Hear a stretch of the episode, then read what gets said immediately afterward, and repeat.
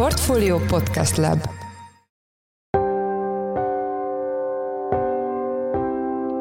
Mindenkit üdvözlünk, sziasztok! Ez a Checklist a Portfólió napi podcastje február 14-én kedden. Az adás első részében a friss GDP adatról lesz szó. Miután a magyar gazdaság teljesítménye 0,4%-kal maradt el az előző negyedévitől, illetve a harmadik negyedévi is elmaradt 0,7%-kal a másodiktól, technikai recesszióról beszélhetünk. A negyedik negyedév nemzetközi összevetésben kifejezetten gyenge lett, hogyha az eurozóna összteljesítményét nézzük, akkor a magyar gazdaság, ugye most ha éves alapon mondom, mondom 0,9%-os növekedése, az szemben áll az eurozóna 1,9%-os növekedésével, vagyis 1% pontos növekedési ütemkülönbség van, előny van az eurozóna javára. Erre egyébként utoljára tíz éve volt példa. Hogy ez mit jelent, arról Madár Istvánt a portfólió vezető makroelemzőjét kérdezzük. A második részben arról lesz szó, hogy a kormány 2023-ban megszüntette az online sportfogadás állami szereplőjének, a szerencsejáték ZRT-nek a monopóliumát. Persze mindezt nem jó kedvében tette, egy uniós bírósági döntés kényszerítette rá. Ennek a gyakorlati jelentőségéről beszélgetünk Csiki Gergelyel, a portfólió lapigazgatójával. A műsor harmadik részében pedig arról beszélünk Nagy Viktorral, a portfólió részvényrovatának vezető elemzőjével, hogy igaz-e az a sokszor hangoztatott állítás, amely szerint a tervben lévő debreceni CATL akkumulátorgyárhoz hasonló üzemeket már csak a periféria országokban engedélyeznek. Én Szász Péter vagyok, a Portfólió Podcast Lab szerkesztője, ez pedig a checklist február 14-én.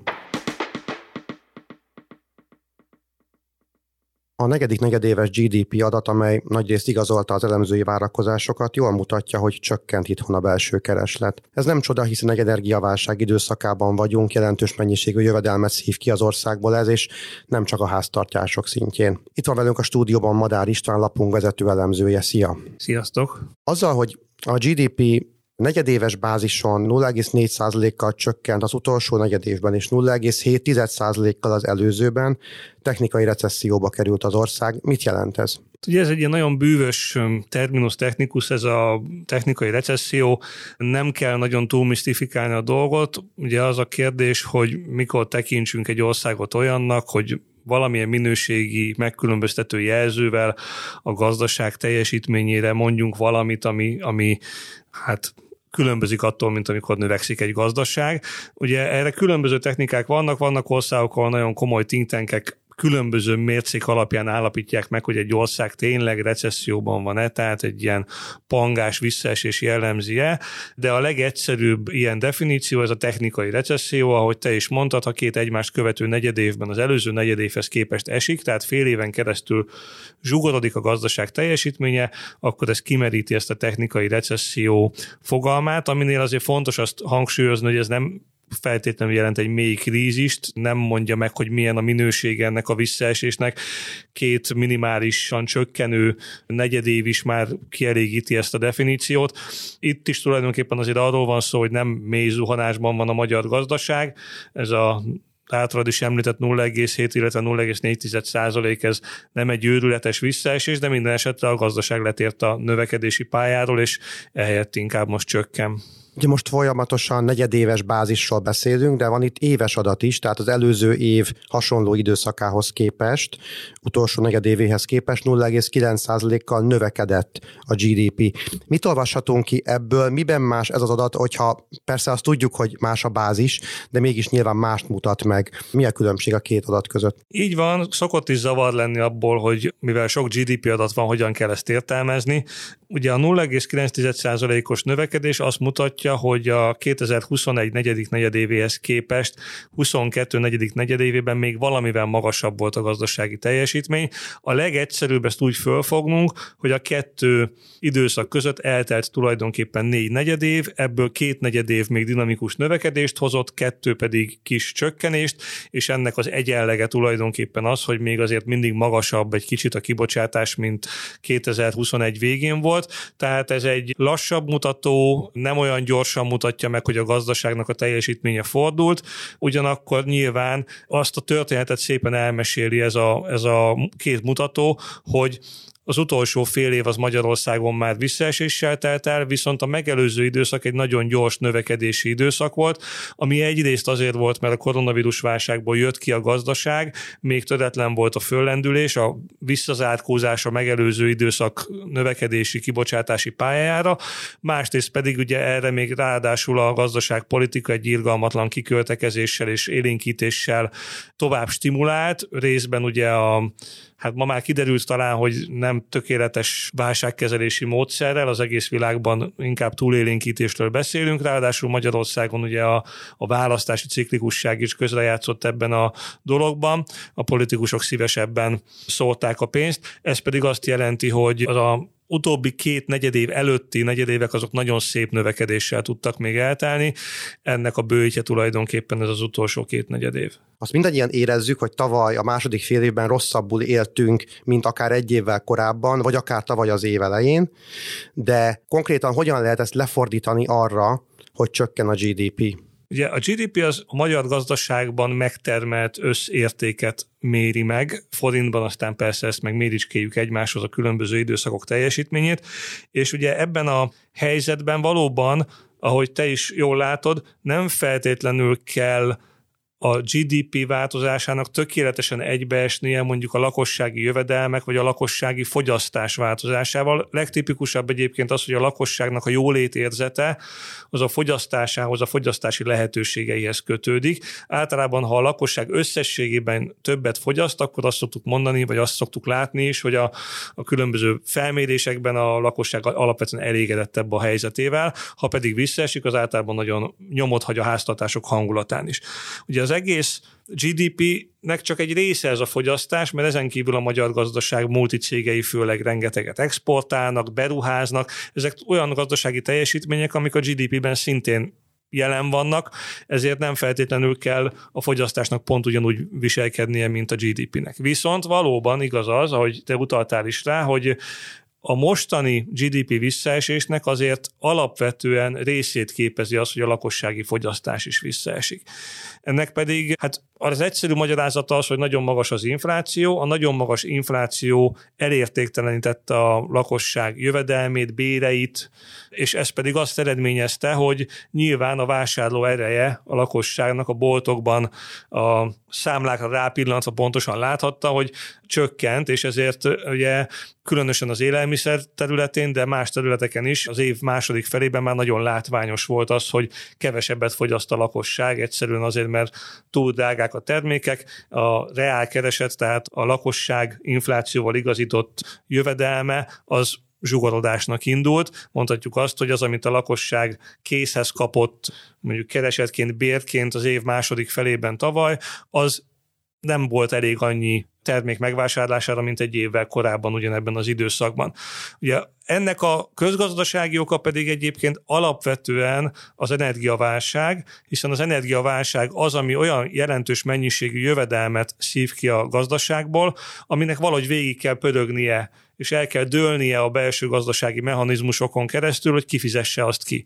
És ugyan én azt gondolom, hogy nem fizetem ki, mert mondjuk átlag alatti a rezsiköltségem, vagy a rezsifogyasztásom, és akkor ezért én, én nem, nekem ez semmi közöm, de valójában a boltban, amikor bemegyek, akkor a magas árak jelentős részben, ha nem is teljes egészében, de jelentős részben a magasabb energiaköltségekhez kötődnek. Ebből következően valójában részben az ország magas energiaszámláját a lakosság fizeti ki akkor, amikor akár magasabb adókkal, akár pedig magasabb boltban látható árakkal találkozik, dolgozik, és ezzel kifizeti tulajdonképpen a vállalati árbevételen keresztül végül a, az energia import számlát, és hát ez az alkalmazkodási folyamat, ami zajlik tulajdonképpen a magyar gazdaságban, és főleg a második fél évben lett ez intenzív, ahogy ugye a vállalati szektor és a hosszú távú gáz áramszerződések lejárásával szembesült azzal, hogy milyen drága lett az energiaköltsége, és ez összességében intenzívé válva hozta el azt, hogy recesszióba került a magyar gazdaság. Azt említetted már, hogy a gazdaság visszapattant a koronavírus válságból, de azt tegyük tisztába, hogy ez a kettősség, tehát a tavalyi első fél év és második fél év közti markáns különbség eredményezte azt, hogy egyébként az éves GDP növekedés a 4,6% az nem tűnik annyira rossznak? Így van, ugye a, ezek az éves átlagos mutatók, ezek nagyon-nagyon lassúak, és nagyon-nagyon lassan követik le az utolsó időszakoknak a változásait, trendfordulóit, mert anélkül, hogy nagyon belemásznánk a, a statisztika rejtelmeibe, tulajdonképpen az idei évben már akkor is lett volna egy szép magas növekedés, ha januártól kezdve a magyar gazdaság nem bővül, hiszen ugye a 21 során bemutatott lendületes és folyamatos negyedévről negyedévre mutatott növekedése miatt a negyedik negyedév végére a magyar gazdaság már olyan szép magas teljesítményt mutatott, ami a 21-es átlaghoz képest magasabb volt. Ezt hívja a statisztika, hogy áthúzódó hatás, kibocsátásnak, ezért már eleve több százalékpontos növekedés csak attól lett volna, hogyha, hogyha nem történik semmi a magyar gazdaságban, és egy teljesen fix kibocsátást mutat napról napra 2022 során. Erre jött még rá az, hogy azért 22 első felében nagyon szépen megnőttük még magunkat, és ezt korrigálta vissza tulajdonképpen ez a második fél év. Azt is mondhatnám, ha a második fél év nincs, és még, hogy sarkítsam tovább a példát, nincs a nagy asszály, ami ugye ettől az egész energiaválságtól független, de a gazdaság teljesítményét jelentősen visszahúzó tétel volt, akkor igazából nem 4,6%-os növekedésről beszélhetnénk 2022-ben, hanem akár 7-8%-ostól is, ami még mindig ugye azt mutatta volna meg, hogy a, a koronavírus válság mélypontjáról hogyan pattan vissza a gazdaság a korábbi kibocsátási szintekre. Ebben azért csöndben megjegyzem, lettek volna nem fenntartható elemek is, ahogy beszéltük, azért itt a, a gazdaságpolitika extrém lazasága azért szintén hozzájárult a gyors, de kevésbé fenntartható gazdasági növekedéshez. Ennek tükrében mik a 23-as kilátásaink? Igen, ugye, hogyha valaki az elmúlt időszak híreit hallja, Magyarországot leminősítették, negyed évszázados csúcson van a, a magyar infláció, most megint recesszióba is kerültünk, egy nagyon nyomott hangulatot tükröznek ezek a fő adatok, ugyanakkor Hát ez ennek az adatoknak az a sajátosság, hogy ezért a múltra reflektálnak, és a múltat mutatják be, és furcsa módon, amíg a közgazdászok az elmúlt időszakban nagyon sokszor ütöttek meg pessimista hangokat, azért azt gondolom, hogy most kicsit előre tekintve azért a szakértők lehetnek optimistábbak. Tehát egyrészt túl vagyunk az alkalmazkodás egy jelentős részén, lenyeltük ezt az óriási energiaköltségtöbletet, másrészt ugye ez az energiaköltségtöblet hál' Istennek el is kezdett csökkenni azzal, hogy az energiaárak durván elkezdtek leszakadni a tavaly őszi horrorisztikus csúcsokról. Ez pedig összességében azt sugalja, hogy itt még az idei első negyed évben még akár zsugorodhat is a gazdaság, de a következő időszakban szép lassan, ahogy ezek a lefagyasztó jellegű sok hatások elmúlnak, úgy újra a növekedésé lehet a, a szerep, és újra elkezdett növekedni a magyar gazdaság, ha nem is őrületes tempóban, de minden esetre arra elég lehet ez a dolog, hogy a főleg az év második felében remélhetőleg teljesen visszatérő lendület már a 2023-ra tulajdonképpen egy egész jó évet fog mutatni, ilyen 1% körül növekedéssel is akár, ugye éves átlagban, és itt is akkor föl lehet hívni arra a figyelmet, hogy ugye Igazából 22-ben, a második fél évben került recesszióba a gazdaság, az éves átlagos növekedés mégis 4,6% volt, 2023-ban pedig ugye, mivel egy elég gyenge szintről kezdünk el majd növekedni, ezért igazából az éves átlagos növekedés meg úgy lesz alacsony, hogy közben meg egyébként már arról beszélhetünk remélhetőleg nem sokára, hogy már azért kim vagyunk a gödörből, vagy legalábbis a problémák egy jelentős részét letudhattuk. Már ismertek a, az európai GDP GDP adatok is. Hogy teljesített Magyarország ebben az összevetésben? Hát nem szépen, a negyedik negyedév nemzetközi összevetésben kifejezetten gyenge lett. Hogyha az eurozóna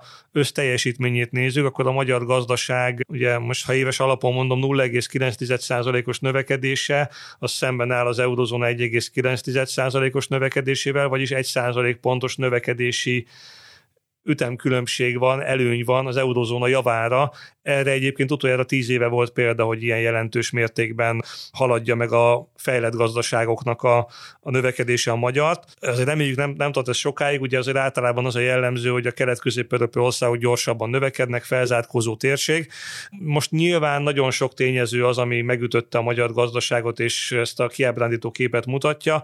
Az egyik az, hogy sokkal sérülékenyebb volt a gazdaság az energiasokra. Ugye a gázkitettségünk, általában az energiaimport export igényünk az egy sokkal sérülékenyebb gazdaságszerkezetet eredményezett, és ez a típusú válság, ami kitört, ez a magyar gazdaságot jobban megütötte, és még ráadásul ugye belevitte egy nagyon csúnya cikcakot a gazdaságpolitika, hát talán nyugodtan mondhatom, elég felelőtlen, élénkítő és szigorító cikcakja, ami, ami a választási ciklushoz kötődött, és ez ebben a formájában sajnos azt eredményezte, hogy idén az utolsó negyed évben azért már elég rosszul nézzünk ki. Ugye egész Európában, amire van adatunk, és a legtöbb országra már van, egyedül rajtunk kívül a csehek és a finnek vannak recesszióban, és ha azt nézzük, hogy az a magyar növekedési indexek, ezek a negyedéves és éves növekedési indexek langsorában hogy áll a magyar pozíció, akkor ilyen negyedik, ötödikek vagyunk hátulról, tehát kifejezetten rossz bőrben van a magyar gazdaság, ha azt nézzük, hogy milyen növekedési teljesítményre volt képes egyébként Európa. Az elmúlt percekben Madár István lapunk vezető makroelemzője volt a vendégünk. Köszönjük szépen, hogy a rendelkezésünkre álltál. Szia! Köszönöm én is, sziasztok! Nem kapott nagy figyelmet idehaza egy január 1-én életbe lépett törvénymódosítás, amely gyakorlatilag liberalizálta az online sportfogadást itthon. A szabályok betartásában és betartatásában központi szerepet kapó hatóság arra számít, hogy sok legális szereplő jelenik majd meg itt Magyarországon. Itt van velünk a stúdióban Csiki Gergely, a portfólió lapigazgatója. Szia! Szia, üdvözlöm a hallgatókat! Elsőként kérlek helyez képbe a hallgatókat, hogy mi történt az elmúlt tíz évben, miért szüntette meg a versenyt a kormány ezen a piacon. 2012-ben kezdődött ez a beavatkozása a játékpiacban a kormány részéről, 13-14-ben érte el talán az első ilyen stádiumát, ami egyfajta deliberalizációs intézkedéscsomag volt, a verseny gyakorlatilag leépítése. Ha az hallgatók visszaemlékeznek, akkor leginkább azzal találkozottak, hogy kevesebb helyen volt ilyen bedobó pénznyelő automata, és kevesebb helyen lehetett kaszinó termekbe menni, kevesebb ilyen kaszinós játék volt elérhető, és 2014-15-re kaszinós koncesszióba utalta át ennek a játékszervezésnek a, a lehetőségét, másik oldalról pedig a szerencsejáték ZRT, mint egy állami monopólium kapta meg a kizárólagosságát annak, hogy sportfogadást szervezzen Magyarországon, és ezzel párhuzamosan pedig kezdtek kiépülni a szürke zónában és a fekete illegálisan működő cégek, jellemzően a nemzetközi nagy hálózatok. Miben hoz változást ez az új 2023-tól hatályos szabályozás, illetve az is fontos kérdés, hogy ez, tegyük tisztába, hogy mely területekre vonatkozik, tehát pókerre, kaszinóra, sportfogadásra. Ez most csak az online sportfogadásra vonatkozik, ami egyfajta versenyhelyzetet teremthet a, a piacon, ha a hatóság megadja az engedélyeket az új piaci szereplőknek, hogy kik lehetnek az új piaci szereplők, logikusan azok, akik egyébként most Magyarországon magyar háttérrel kaszinós tevékenységet végeznek, vagy online kaszinó tevékenységet végeznek, ugye magyar cégek, valamint amit említettünk, ezek a nagy nemzetközi hálózatok, akik egyébként most ugye szürke zónában tevékenykednek jelenleg,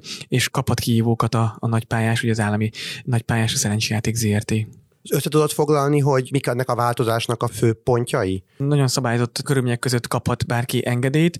Ugye itt a engedélyt kiadó hatóság részéről egy sor feltételnek kell megfelelni, rengeteg dokumentumot kell beadni az engedélyezésre, személyi megfelelőségre is külön szabályokat állított fel a hatóság, és természetesen vannak pénzügyi feltételei is. Itt ki lehet emelni a, az 1 milliárd forintos törstőkével kell rendelkezni a, a cégnek, valamint, hogy 600 millió forintos a 7 évre szóló koncesszióra 600 millió forintos egyfajta szervezési díjat kell megfizetni, ami egyébként nem magában nem jelentős összeg, legalábbis a piaci szereplőkkel való beszélgetéseink alapján az körvonalazódott, hogy nem a pénzügyi feltételek lesznek a visszatartó erők egy, egy új piaci szereplő belépéséhez amikor a kormány, ahogy te is mondtad, megszüntette a versenyt, ott azért elég nagy felzúdulás volt ezzel kapcsolatban. Most ezt visszacsinálták. Van egy olyan érzésem, de szerintem másnak is, hogy nem jó kedvében döntött így a kormány. Mi, mi volt ennek a döntésnek az oka? Így van, ugye részben csinálták vissza, csak egy, a, egy ilyenfajta játéktevékenységnek, játék, játékszervezés tevékenységnek egy része lesz most liberalizálva, vagy, vagy versenypiacot hozva a, a szereplők körében, és így van, egy uniós bíróság kényszerítette rá a kormányt, hogy ezen a területen úgymond változtasson.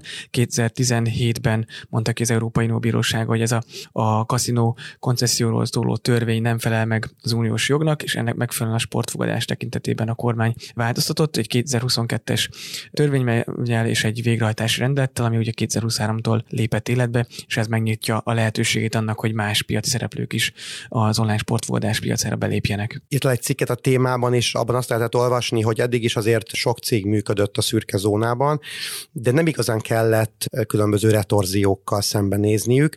Miért nem, és mit jelent számukra? Tehát a már a piacon lévő, de szürke zónában működő szereplőknek mit jelentett az új szabályozás? A legegyszerűbb intézkedés ugye a hatóság korábban a, a Nemzeti Adó és Vámhivatal, amikor még nem volt a felügyeleti hatóság, felügyelte ezt a piacot, akkor a, a blokkolás volt a, a legegyszerűbb módja a, a tiltásnak, hogyha nyilván nem tudta megkerülni a játékos, és viszont aztán a, az uniós bírósági döntés nyomán már a NAV nem blokkolta ezeket a nemzetközi oldalakat, és kvázi nyilván engedély nélkül, de egyébként külföldi szolgáltóként elérhették a játékosok ezeket a különböző különböző akár pókerjátszmákat, akár különböző sportfogadási eseményeket, és most ebben, ebben hoz változást ugye az idei szabályozás, ilyen effektív visszatartó erő nem volt pont emiatt, és talán most lehet egyel erősebb, hogyha a hatóság komolyan veszi ezt a fajta tiltó tevékenységét, és lesz egyfajta, ez egy tolóerő lesz ugye a nemzetközi cégek esetében, hogy abba hagyják ezt a fekete és szürke zónában működő tevékenységet, most már ugye illegálisan, hivatalosan is illegálisan működnek így ebben a tekintetben Magyarországon,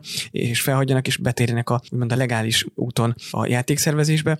Ez a, a nyilván vannak eszközei a hatóságnak, ugye itt attól függ, hogy az az illegális működést korlátozó vagy tiltó intézkedések a gyakorlatban mennyire fognak működni. Még egyelőre úgy tudjuk a piaci szereplőktől, hogy ezek még nem működnek, de itt az oldalak blokkolására, a befizetések korlátozására lehet gondolni a kártyás tranzakcióknak az lehetetlenítésére, a banki oldalról főként, és a szervezők büntetésére is lehet gondolni nem csak ezzel kapcsolatban, de Magyarországon azért máshol is beszéltek már az emberek arról, hogy bizonyos szabályokat úgy fogalmaztak meg, hogy azok gumiszerűen hajlíthatóak, és ennek a szabályozásnak is van egy ilyen gumiszabály szaga. Kell-e attól tartani, hogy egy-egy céget egy apróbb szabálysértés miatt tiltanak esetleg ki a magyar piacról? Sőt, a legnagyobb félelem talán ez, amiről nem beszéltünk, hogy vannak pénzügyi feltételek, de van egy olyan környezet is, ugye, ami a kiszámíthatóság, a jogbiztonsággal kapcsolatos aggodalom a külföldi szereplők körében, hogy milyen egyedi döntéseket hozhat meg a kormány. Gondoltunk itt akár az engedélyezési eljárás során a különböző döntésekre, vagy akár későbbiek során egyedi, akár adóztatás, vagy külön adóztatás témában ugye a kormány szeret a megfelelő külföldi szereplőköz, szolgáltató szereplőköz nyúlni, amikor a költségvetés egyébként bajban van, tudja, hogy hova, hova kell nyúlni és beszedni a, a plusz bevételeket. Talán ez lehet egy ilyen, valóban egy ilyen, egy ilyen bizonytalansági tényező, amikor a külföldi szereplő elgondolkodik azon, hogy vajon biztos garantált-e a folyamat végén az, hogy ő engedélyt kap, ez, ez valószínűleg nincs így garantálva, annak ellenére, hogy valószínűleg akár minden dokumentuma és a pénzügyi feltételek is rendben lesznek. Másik kérdés, hogy van egy plusz olyan gondolat vagy tényező, amit figyelembe kell vennie az adott külföldi szervezőnek, hogy ha itt akár elutasításra kerül az ő engedélykérelme, akkor más országokban az engedélyezési folyamat során kap egy fekete pontot, vagy akár egy kizáró tényező is lehet, hogyha egy másik országban egy versenyeztetési vagy egy pályázati úton, vagy engedélykérelem útján megpályázott engedélyt visszautasítanak. És attól tartanak a piaci szereplők, hogy esetleg olyan apró hibák miatt, mint mondjuk, hogy egy-két nappal megcsúsznak mondjuk egy dokumentum beadásával, emiatt esetleg bukják az engedélyüket, vagy azért erről ilyen, ilyen durva helyzet nem, nem alakult ki? Erről még nem, nem hallottunk ilyen, ilyen piaci hangokat.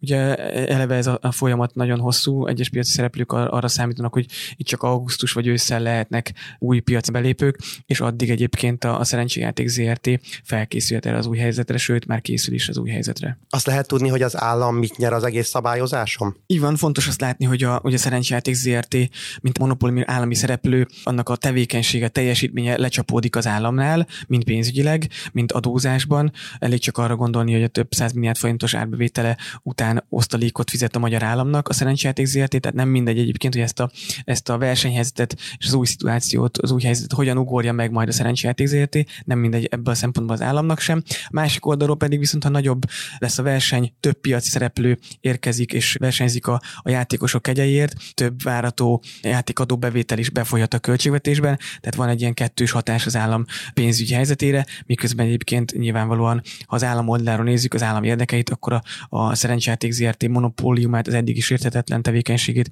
minél inkább védeni akarja. Az utolsó kérdésem, hogy mit szól ehhez az eddigi monopóliumot birtokló állami cég, a szerencsejáték ZRT?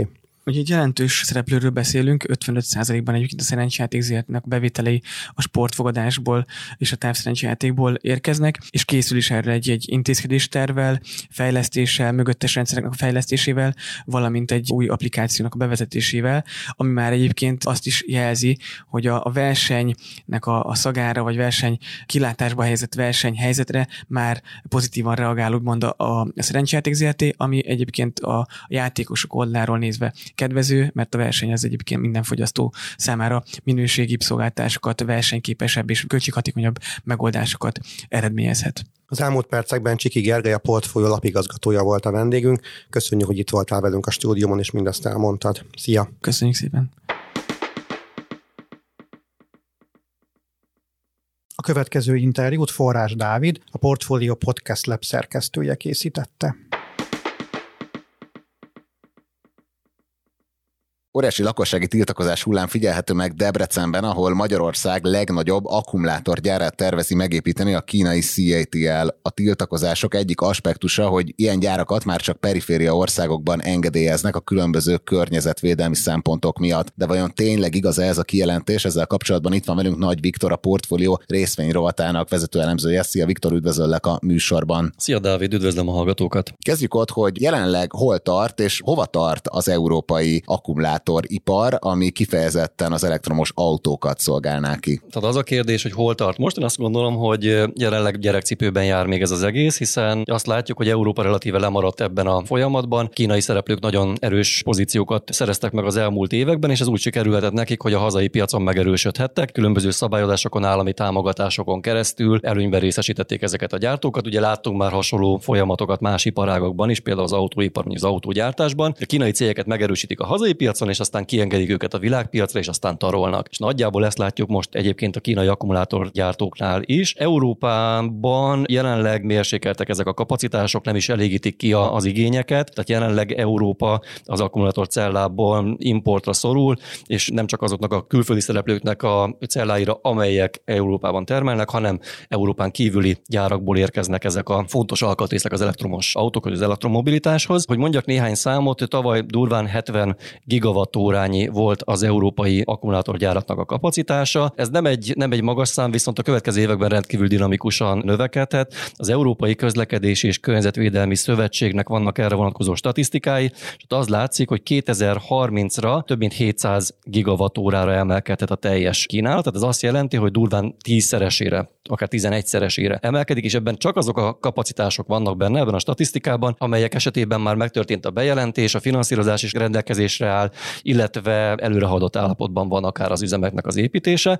Tehát ezek nagy valószínűséggel megvalósuló projektek, tehát egy durván egy ilyen 10-11-szeresére növekedhet a következő években 2030-ig a kapacitás, de hogyha figyelembe veszük azokat a gyárakat is, ahol mondjuk még csak bemondták azt, hogy mondjuk a gyártó az éppen mit szeretne gyártani, mekkora volument, de még nem biztos, hogy a finanszírozás rendelkezésre áll, és egyébként még nincs is kitűzött időpontja annak, hogy a gyár az mikor épülne meg. Tehát, hogyha ezeket is figyelembe veszük, akkor 2030-ra akár 1400 gigawattóra közelébe érkezhet meg a kapacitás. Ez azt jelenti, hogy néhány év múlva akár a 20-szorosa is lehet annak a kapacitás, mint ami 2022-ben volt. És ahogy a térképet nézzük, akkor hol lesznek ezek a gyárak, tehát hogy fog megoszlani Európán belül ez az óriási kapacitás? Igen, és akkor itt érdemes visszatérni a kezdeti kérdésünkhöz, és nagyon sok fals információ terjedt ezzel kapcsolatban a médiában, vagy akár közösségi média felületeken, és az egyik ilyen mondás az az volt, hogy ilyen gyárakat már pedig csak olyan országokban építenek, amelyek valamilyen szempontból elmaradottak, vagy a környezetvédelmi szabályozás nem annyira annyira szigorú, vagy pedig bár szigorú a szabályozás, de úgysem veszik komolyan, nem tartják be őket,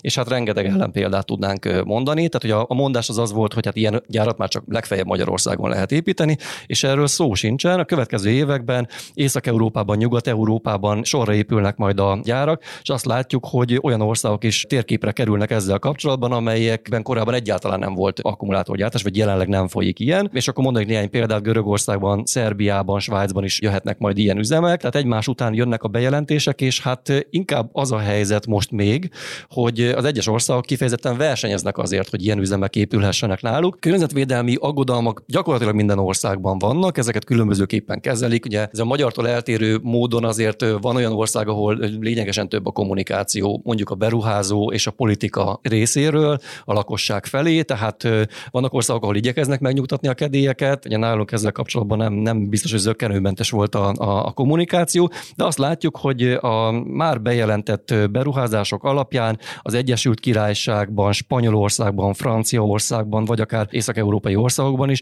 épülnek sorra ezek az üzemek, és hát azzal kapcsolatban is ugye volt rengeteg hír, hogy miért kell ekkorát építeni Debrecenben. Ugye azt látjuk, hogy ezek az üzemek egyre nagyobbak, hiszen akkor tudnak hatékonyan működni, hogyha felskálázzák őket. És akkor záró kérdésem, hogy ha minden úgy valósul meg, ahogy most eltervezik, akkor Magyarország milyen kapacitásokkal fog rendelkezni, mennyire lesz fontos szereplő ezen a piacon? Nagyon fontos szereplő lesz. Tehát az látszik, hogy a Debrecen üzem az hatalmas lesz, a 100 gigawatt órás kapacitása tervezett. Hogyha megnézzük, hogy milyen bejelentések voltak, és ami biztosan elkészül mondjuk 2030-ig, azok közül mondjuk a második legnagyobb üzem lesz egész Európában. Lengyelországban van egy üzem, amelynek a jelenlegi kapacitása az 86 gigawattóra, és ezt 115 gigawattórára skálázzák majd fel 2025-re. Tehát látszik az, hogy a magyar üzem az kifejezetten nagy lesz ebben a mezőnyben. És akkor a teljes piacon is nagyok leszünk. Így van, tehát ha azt mondjuk, hogy a teljes piac az mondjuk lehet 1400 gigawattóra a bejelentések alapján, és ebből százat ad a magyar, azokból egyértelműen látszik az, hogy Magyarország, és ugye Magyarországon nem csak ez egyetlen egy üzem lesz a Debreceni, de hogyha csak a Debreceni üzemet nézzük, az is kifejezetten nagy részarányt ad majd a kapacitásokból. Nagyon szépen köszönjük, hogy ezt a rész kérdését megvilágítottad ennek a szegmensnek. Az elmúlt percekben Nagy Viktor a portfólió részmény rovatának vezető elemzője volt a checklist vendége. Viktor, köszönjük, hogy a rendelkezésünkre álltál. Én is köszönöm, sziasztok! Ez volt már a Checklist, a Portfólió napi podcastje február 14-én. Ha tetszett a műsor és nem tetted volna meg, iratkozz fel a Portfólió Checklist podcast csatornára valamelyik nagyobb platformon, például Spotify-on, Apple vagy Google podcasten. Ha segítenél nekünk abban, hogy minél több hallgatóhoz eljussunk, kérlek értékelj minket azon a platformon, ahol ezt az adást meghallgattad. A mai műsor elkészítésében részt vett gombkötő Emma és Bánhidi Bálint, a szerkesztő pedig én voltam Szász Péter. Új műsorral holnap délután 5 óra magasságában jelentkezünk, addig is minden jót kívánunk, sziasztok!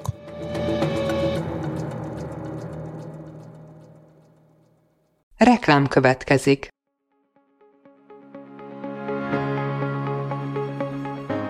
Raúl Müller Lajos vagyok, az Agrárszektor főszerkesztője. Májusban két tematikus konferenciát is rendezünk Kecskeméten az agrofood szektor szereplőinek. A május 22-én tartandó Portfolio Agrofood 2024 konferencia az élelmiszeripari vállalkozások, beszállítóik, a szolgáltató cégek és a kereskedők számára nyújt egyedi betekintést az aktuális trendekbe. A május 23-án megrendezendő Agrofuture konferencia pedig egyedülálló módon tematikus formában foglalja össze a hazai agrárgazdaság fenntarthatósági követelményeit és innovációs lehetőségeit.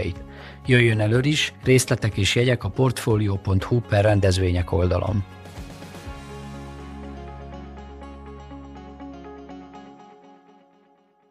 Reklámot hallottak.